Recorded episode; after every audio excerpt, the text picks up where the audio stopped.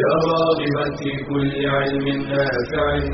ينمو العلم ويتقدم بتقنياته ومجالاته ومعه نطور أدواتنا في تقديم العلم الشرعي. أكاديمية زاد. زاد أكاديمية ينبوعها صاف صاف ليروي غلة الظمآن. هذا كتاب الله روح قلوبنا. خير الدروس تعلم القرآن. بشرى لنا زاد أكاديمية للعلم كالأزهار في البستان. الحمد لله رب العالمين. أحمده سبحانه وتعالى حمدا كثيرا طيبا مباركا فيه. اللهم صل وسلم وبارك على عبدك ورسولك محمد وعلى آله أجمعين. سبحانك لا علم لنا إلا ما علمتنا إنك أنت العليم الحكيم. اللهم علمنا ما ينفعنا وانفعنا بما علمتنا وزدنا علما. ما شاء الله كان. ونعوذ بالله من حال أهل النار. اللهم لا سهل إلا ما جعلته سهلا. وأنت تجعل الحزن إذا شئت سهلا. اللهم ارزقنا الإخلاص والتوفيق والقبول والعون. إنك ولي ذلك والقادر عليه. ثم أما بعد أيها المشاهدون الكرام أرحب بكم في هذا اللقاء المتجدد ونحن نعيش وإياكم مع كتاب الله تبارك وتعالى. نعيش وإياكم مع القرآن الكريم. نعيش وإياكم مع هذه الآيات المنزلات. التي تملأ قلب المؤمن إيمانا ويقينا وصدقا بل وتزيده ثباتا على دينه. أسأل الله أن يثبتنا وإياكم على دينه حتى نلقاه. أيها المباركون نحن كما تعلمون نعيش وإياكم مع الآيات الأخيرة من سورة البقرة وكنا قد فرغنا بفضل الله عز وجل في اللقاء الماضي كنا قد فرغنا من الحديث عن قول الله عز وجل لله ما في السماوات وما في الأرض وإن تبدوا ما في أنفسكم أو تخفوه يحاسبكم به الله فيغفر لمن يشاء ويعذب من يشاء والله على كل شيء قدير. ثم ها نحن نستعين الله عز وجل ونبدأ الحديث في الآية بعدها وهي قول الله تبارك وتعالى آمن الرسول بما أنزل إليه من ربه والمؤمنون كل آمن بالله وملائكته وكتبه ورسله. لا نفرق بين أحد من رسله. وقالوا سمعنا وأطعنا غفرانك ربنا وإليك المصير. ابتدأ الحق تبارك وتعالى هذه الآية بقوله آمن الرسول بما أنزل إليه من ربه. ابتدأ الله عز وجل هذه الآية بالثناء على نبيه على رسوله صلى الله عليه وسلم أنه قد آمن والإيمان أيها المباركون كما قال أهل العلم هو الإقرار المستلزم للقبول والإذعان أو قل هو التصديق المستلزم للقبول والإذعان. القبول للخبر والإذعان للحكم. فلا يصح أن يقال شرعا أن الإيمان هو مجرد الإقرار أو أن الإيمان هو مجرد التصديق.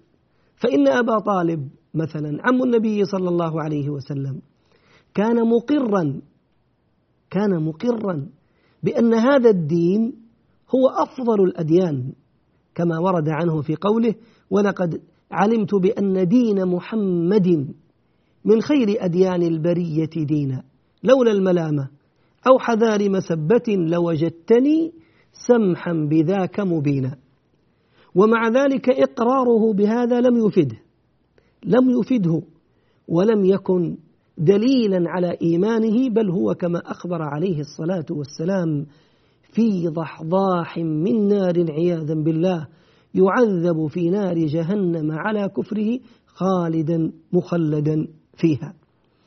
ولهذا مما ينبغي أن يعيه طالب العلم وأن ينتبه له أن الإيمان شرعا هو الإقرار المستلزم للقبول والإذعان. قول الله تبارك وتعالى آمن الرسول. الألف واللام في الرسول للعهد. والمراد به محمد بن عبد الله صلى الله عليه وسلم. هذا الرسول الذي تعهدونه أنتم وتعرفونه. وهو بين أظهركم صلوات ربي وسلامه عليه. محمد بن عبد الله هذا الرسول آمن. والرسول عند أهل العلم الرسول عند أهل العلم هو من أوحى الله تبارك وتعالى إليه بشرع وأمر بتبليغه. الرسول مرة أخرى هو من أوحي إليه بشرع. الله عز وجل أوحى إليه بشريعة جديدة غير شريعة من قبله غير شريعة من كان قبله من المرسلين. ثم أمر بتبليغه. بتبليغ هذا الشرع الجديد بينما النبي هو ذاك الذي لم يؤمر بالتبليغ. لم يؤمر بالتبليغ. ورسل الله تبارك وتعالى هم قرابة ثلاثمائة وبضع عشر كما جاء في الحديث عنه صلى الله عليه وسلم بينما الأنبياء هم أكثر من عشرين ألف نبي. وقد يتزامن وجود نبيين في زمان واحد أو نبي ورسول في زمان واحد. وما خبر إبراهيم ولوط في كونهما في نفس الفترة الزمانية وموسى وهارون وغيرهم من الأنبياء والرسل عليهم صلوات الله وسلامه. الشاهد والمقصود أن الرسول هنا المراد به محمد بن عبد الله صلى الله عليه وسلم. آمن الرسول آمن بماذا؟ قال تعالى آمن الرسول بما أنزل إليه من ربه. بما أنزل إليه ما هنا بمعنى الذي؟ أي آمن بالذي أنزل إليه من ربه. آمن بالذي أنزل إليه من ربه. ومن أول ما أنزل إليه من ربه هذا القرآن العظيم هذا الكتاب الخالد المبارك. الذي هو المعجزة الكبرى التي جاء بها صلوات ربي وسلامه عليه. فهو أول مؤمن أنه كلام الله وأنه منزل من عند الله تبارك وتعالى. وآمن عليه الصلاة والسلام بأن هذه السنة النبوية التي كانت تتنزل أيضا عليه هي وحي من عند الله تبارك وتعالى. وآمن قبل هذا كله بوجود الله تبارك وتعالى ووحدانيته واستحقاقه عز وجل وحده لا شريك له ولا رب سواه أن يعبد دون ما شريك. إذا يثني الله تبارك وتعالى على نبيه بهذا الإيمان. آمن الرسول بما أنزل إليه من ربه والمؤمنون. كذلك آمنوا كما آمن رسول الله صلى الله عليه وسلم. فيثبت الله تبارك وتعالى هذا الشرف أيضا للمؤمنين. لتلك الثلة المباركة التي كانت معه عليه الصلاة والسلام بأنهم أيضا آمنوا كما آمن عليه الصلاة والسلام. فكانوا مقرين مذعنين مقرين بالأخبار مذعنين لأحكام الله تبارك وتعالى. آمن الرسول بما أنزل إليه من ربه والمؤمنون. ثم قال تعالى كل كل النبي صلى الله عليه وسلم والمؤمنون كل هؤلاء جميعا كل أولا آمن بالله.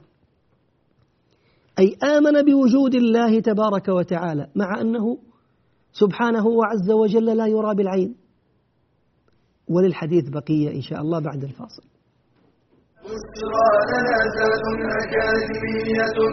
للعلم كالأزهار في البستان.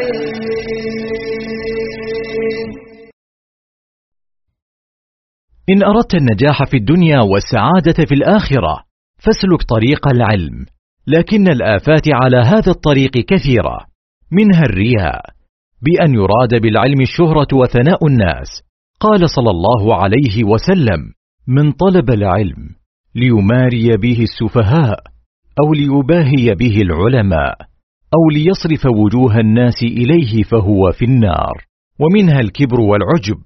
قال مجاهد لا يتعلم العلم مستحي ولا مستكبر. ومنها الحسد. قال تعالى وما اختلف الذين أوتوا الكتاب إلا من بعد ما جاءهم العلم بغيا بينهم. أي بغى بعضهم على بعض فاختلفوا في الحق لتحاسدهم وتباغضهم. ومنها الانشغال بالدنيا وملهياتها وأشغالها عن تحصيل العلم النافع. ومنها التعالم والتصدر قبل التأهل فإن التصدر يمنع من تلقي العلم. قال عمر بن الخطاب رضي الله عنه تفقهوا قبل أن تسودوا ومنها الفتور والكسل. قال صلى الله عليه وسلم إن لكل عمل شرة ولكل شرة فترة فمن كانت شرته إلى سنتي فقد أفلح ومن كانت فترته إلى غير ذلك فقد هلك. فالزم طريق العلم ولا تصدنك الآفات واحذر من قطاع الطريق. قال تعالى ولا يصدنكم الشيطان إنه لكم عدو مبين.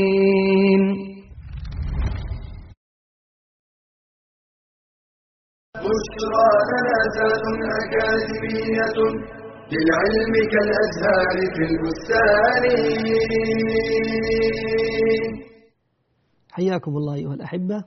عدنا إليكم بعد الفاصل مرة أخرى وكنا نعيش مع قول الله تبارك وتعالى آمن الرسول بما أنزل إليه من ربه والمؤمنون كل آمن بالله. الإيمان أيها المباركون إذا وقر في قلب العبد حققت له كل أمانيه الدنيوية والأخروية الإيمان. هذا التصديق الذي ذكرناه قبل قليل أول ما يكون مفتاح الخير فيه الإيمان بالله مع أن الله تبارك وتعالى لا يرى بالعين. فهو أمر غيبي والغيب كل ما غاب عن حسك ولم يستطع العقل إدراكه. فنحن مع كون الله عز وجل من الغيب. آمنا. آمنا. مرحلة عظيمة جدا ومنزلة رفيعة جدا يعيشها أهل الإيمان عند أهل الإيمان عند إيمانهم سواء بالله أو ملائكته أو الجنة أو النار أو ما شابه ذلك. خديجة رضي الله عنها وهذه من الأحاديث الجميلة الرائعة التي تبين مدى ذاك الإيمان الذي كان يعيشه أصحاب محمد رضي الله عنهم وصلى اللهم على محمد رجالا ونساء. خديجة مات لها في حياتها مع رسول الله صلى الله عليه وسلم طفل من رسول الله صلى الله عليه وسلم فحزنت عليه كحزن الأم حزنا شديدا. فرأى عليه الصلاة والسلام ذلك الحزن في وجهها. فقال لها عليه الصلاة والسلام وهو يريد أن يسري عن نفسها ما حل بها. قال يا خديجة يا خديجة لقد أوكل الله به ضئرا ترضعه في الجنة. هذا الصغير. أوكل الله عز وجل به امرأة أخرى ضئر ترضعه في الجنة. أي أنه الآن حي هناك في الجنة. ولو شئت لدعوت الله عز وجل لك فأسمعك تضاغيه. الصوت الذي يطلقه الصبي الصغير حال يعني حركته. تلك التضاغي. يقول لو شئت أدعو الله الآن تسمعين صوت هذا الصبي الذي مات عليك وهو في الجنة مع تلك الضئر. فقالت لا يا رسول الله بل آمنت. آمنت فورا بمجرد أن النبي صلى الله عليه وسلم قالت قال هذه المقولة آمنت رضي الله عنها وأرضاها بما قال عليه الصلاة والسلام. ذاك هو الإيمان الذي أسأل الله عز وجل أن يملأ قلبي وقلوبكم به. آمن الرسول بما أنزل إليه من ربه والمؤمنون كل آمن بالله أن الله عز وجل موجود وأنه سبحانه وتبارك وتعالى هو وحده مع وجوده المستحق لأن يعبد وأنه سبحانه وعز وجل وحده هو الذي له الأسماء الحسنى والصفات العلى. آمنا به تبارك وتعالى. آمن بذلك رسول الله صلى الله عليه وسلم وآمن بذلك الصحابة. كل آمن بالله. ثم قال وملائكته. أي آمن كذلك رسول الله صلى الله عليه وسلم. والصحابة بعد إيمانهم بالله عز وجل آمنوا بالملائكة. الملائكة خلق من خلق الله تبارك وتعالى. خلقهم الله عز وجل من نور. فهم مخلوقات نورانية. خلقها الله تبارك وتعالى وهم موجودون في هذا الكون الفسيح. منهم من جعله الله تبارك وتعالى لا شيء له إلا أن يعبد الله عز وجل. فقط هو عابد لله تبارك وتعالى. يقول عليه الصلاة والسلام في الترمذي بسند حسن يقول عليه الصلاة والسلام أطت السماء وحق لها أن تئط والذي نفسي بيده. ما فيها موضع أربعة أصابع إلا وملك واضع جبهته لله ساجدا. هذه السماء العظيمة. ما فيها موضع أربعة أصابع إلا وملك واضع جبهته لله عز وجل ساجد. البيت المعمور فوق السماء السابعة يدخله كل يوم سبعون ألف ملك ثم لا يعودون إليه مرة أخرى. تفرغ تام لعباد الله لعبادة الله. لا يعصون الله ما أمرهم ويفعلون ما يؤمرون.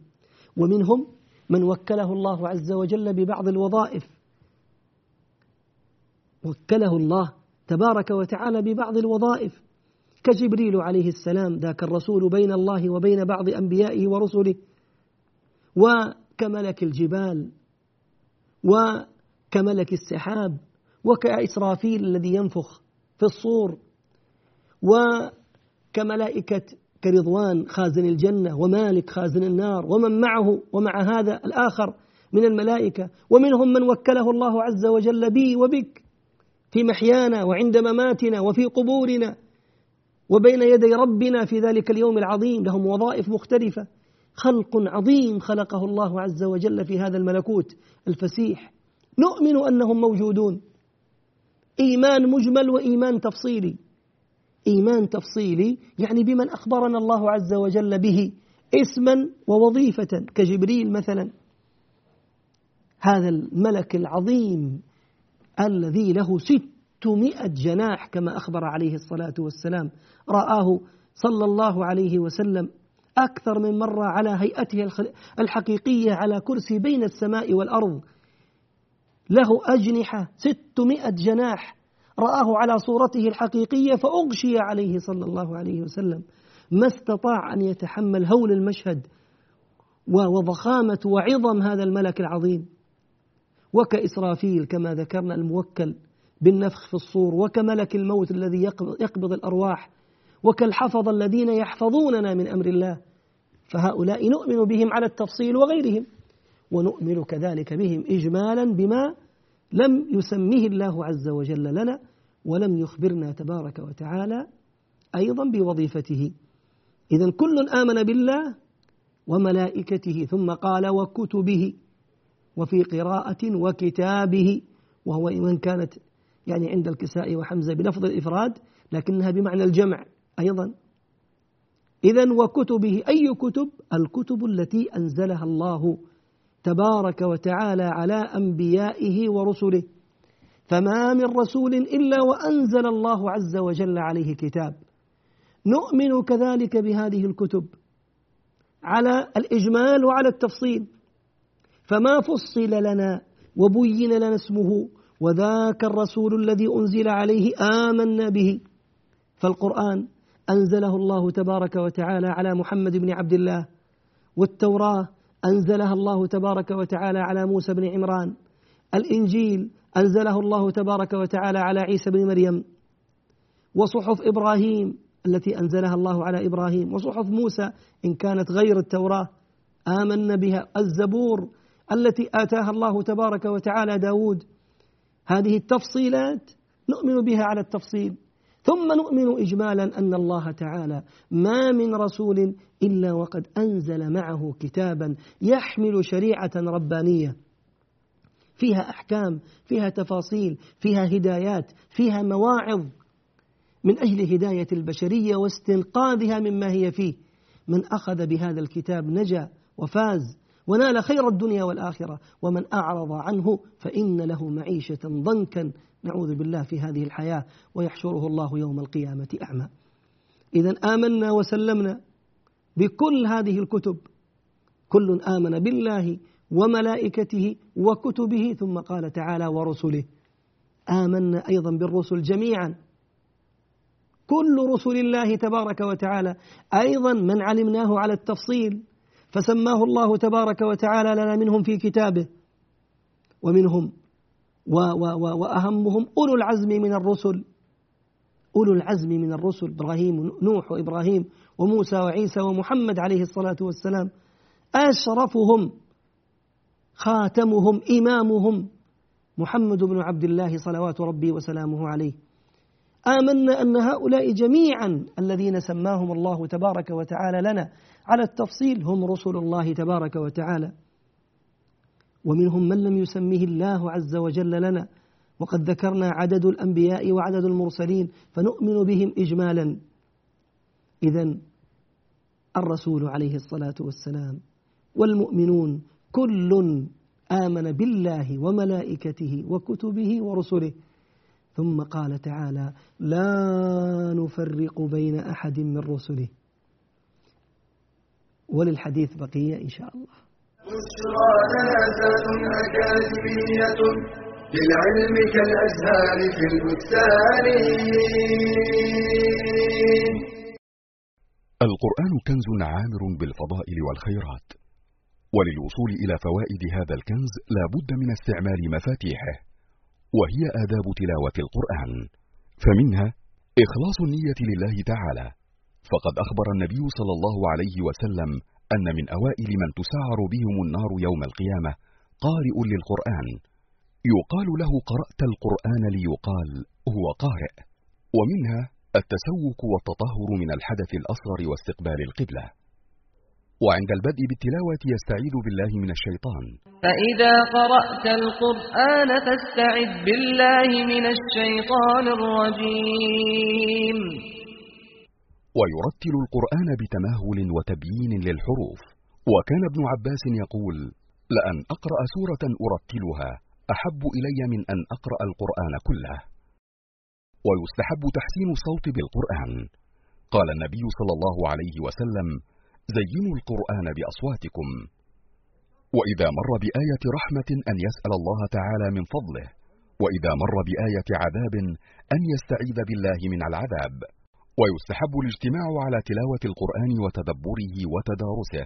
فقد قال صلى الله عليه وسلم ما اجتمع قوم في بيت من بيوت الله يتلون كتاب الله ويتدارسونه بينهم إلا نزلت عليهم السكينة وغشيتهم الرحمة وحفتهم الملائكة وذكرهم الله في من عنده. بشرى جنازات أكاديمية للعلم كالأزهار في البستان. حياكم الله أيها الأحبة. عدنا إليكم بعد الفاصل ولا زلنا نعيش وإياكم مع آية من خواتيم سورة البقرة. هذه الآيات المباركات التي مر معنا في الحلقات الأول من الحديث عنها أنها ممن أنزل من تحت العرش ففضلها عظيم وثوابها جزيل ومنزلتها رفيعة.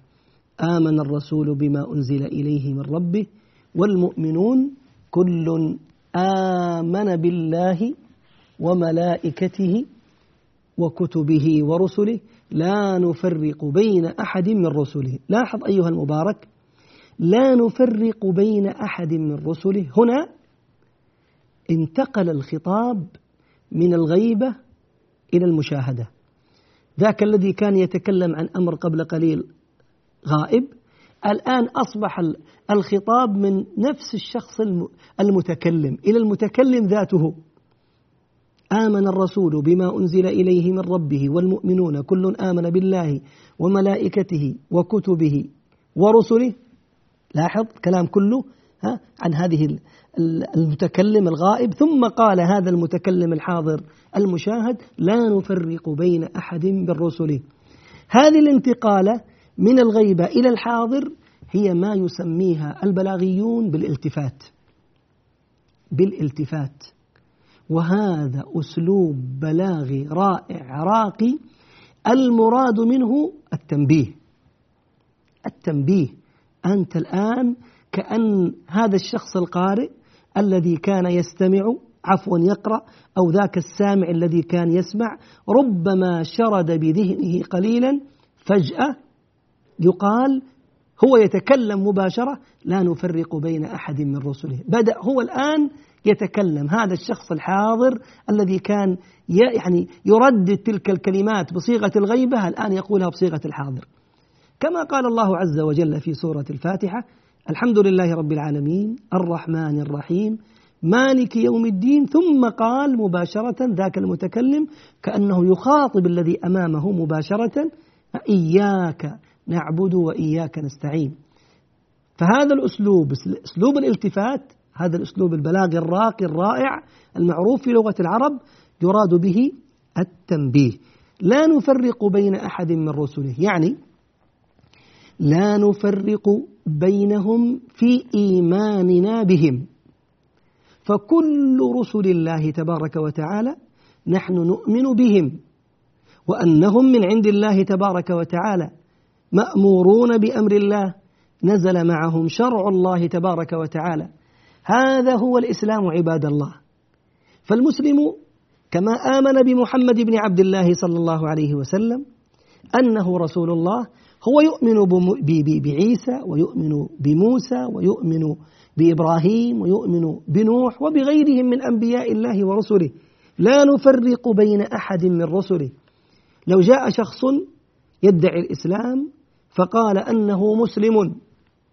ولكنه يكذب مثلا برسالة موسى أو يكذب برسالة عيسى. نقول له أنت بهذا التكذيب بهذا الرسول مع إيمانك بمحمد بن عبد الله لكن بتكذيبك برسالة موسى أو برسالة عيسى أنت تخرج عن دائرة الإسلام. لا نفرق بين أحد من رسله. وهذا التفريق كما قلنا في الإيمان. أما في التفضيل فلا شك أن بعضهم أفضل من بعض. كما قال تعالى تلك الرسل فضلنا بعضهم على بعض. منهم من كلم الله ورفع بعضهم درجات. فلا شك أن خيرهم جميعا هو محمد بن عبد الله صلوات ربي وسلامه عليه. ثم يأتي بقية الخمسة من أولي العزم من الرسل. وهكذا. ففي باب التفضيل لا شك أن بعضهم أفضل من بعض. وأما في باب الإيمان فنحن نؤمن بهم جميعا. لا نفرق بين أحد منهم. لاحظ. وقالوا سمعنا وأطعنا. سمعا وطاعة. سمعنا إما سمع استجابة أي استجابة لك يا ربي وطاعة لك أو المراد به السمع الحقيقي. سمعنا للأمر المنزل في الإيمان بالرسل وفي الإيمان بالكتب وفي الإيمان بالله قبل ذلك. سمعنا ثم أطعنا. أو كما قلت المراد بالسمع كما قال البعض أي سمع استجابة.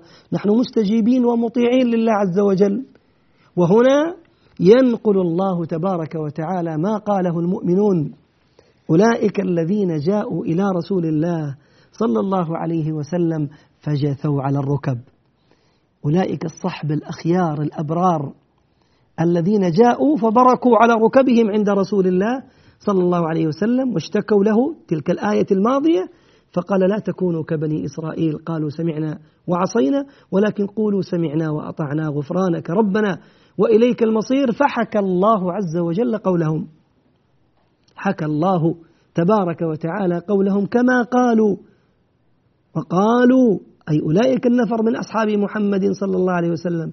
اسمع يا عبد الله اسمع يا ولي الله. لتعرف قدر تلك الزمرة المباركة. وأولئك الصحب الأخيار الأبرار من صحابة رسول الله صلى الله عليه وسلم. وأنا أعجب والله بعد هذه الشهادات المتكررة من رب العزة والجلال لهذا الجيل الراقي الرائع الذين صحبوا صحبوا رسول الله صلى الله عليه وسلم. والذين اصطفاهم الله تبارك وتعالى من فوق سبع سماوات ليكونوا رفقاء نبيه السائرين معه في دربه المؤيدين له في دينه المصدقين المجاهدين الباذلين لكل ما يملكون. أعجب كيف من شخص يدعي الإسلام بعد هذا كله فيشكك في واحد من هؤلاء رضي الله عنهم وأرضاهم. أولئك الذين كانوا حقا كما أخبر عليه الصلاة والسلام أمنة لأهل الأرض. أمنة لأهل الأرض. فإذا ذهبوا جاء أهل الأرض ما يوعدون وقد كان ذلك. فيحكي الحق تبارك وتعالى هنا قولهم. هذا القول الجميل الذي يدل على مدى إذعانهم وتصديقهم. ما ترددوا ما تأخروا. لما قال لهم عليه الصلاة والسلام قولوا سمعنا وأطعنا. وقالوا سمعنا وأطعنا. سمعنا وأطعنا. سمعنا منك يا رسول الله ومن ربنا سبحانه وتعالى سواء سمعا حقيقيا أو سمع استجابة. وأطعنا غفرانك ربنا وإليك المصير. يستغفرون الله يسألون الله تبارك وتعالى المغفرة. وهم يعلمون علم يقين أنهم صائرون إليه فمصيرهم إليه تبارك وتعالى. غفرانك المغفرة كما مر معنا قبل الآن مادة غفر في لغة العرب تأتي بمعنى الستر والتغطية. والمغفرة من الله عز وجل للعبد هي ستر الذنب والتجاوز عنه. فإذا قال العبد أستغفر الله فالألف والسين والتاء تأتي للطلب أي أطلب من الله عز وجل أن يغفر لي أي أن يستر ذنبي فإذا ستر الله عز وجل ذنبك تجاوز عنك. أسأل الله تبارك وتعالى أن يغفر لنا ولكم بمغفرته التي وسعت كل شيء. أسأله تبارك وتعالى بأسمائه الحسنى وصفاته العلى أن يرحمنا وإياكم برحمته التي وسعت كل شيء. فهو عز وجل أرحم الراحمين. لا إله غيره ولا رب سواه. اللهم يا معلم آدم علمنا ويا مفهم سليمان فهمنا. اللهم علمنا ما ينفعنا وانفعنا بما علمتنا وزدنا علما. اللهم أرنا الحق حقا وارزقنا اتباعه وأرنا الباطل باطلا وارزقنا اجتنابه. ولا تجعله ملتبسا علينا فنضل. هذا وصلى اللهم وسلم وبارك على عبده ورسوله محمد وإلى لقاء آخر بمشيئة الله. أستودعكم الله. والسلام عليكم ورحمة الله وبركاته. تلك العلوم دروسها ميسورة في فرح علم الراسخ الأركان. بشرى لنا بشرى لنا بشرى لنا ذات أكاديمية للعلم كالأزهار في البستان.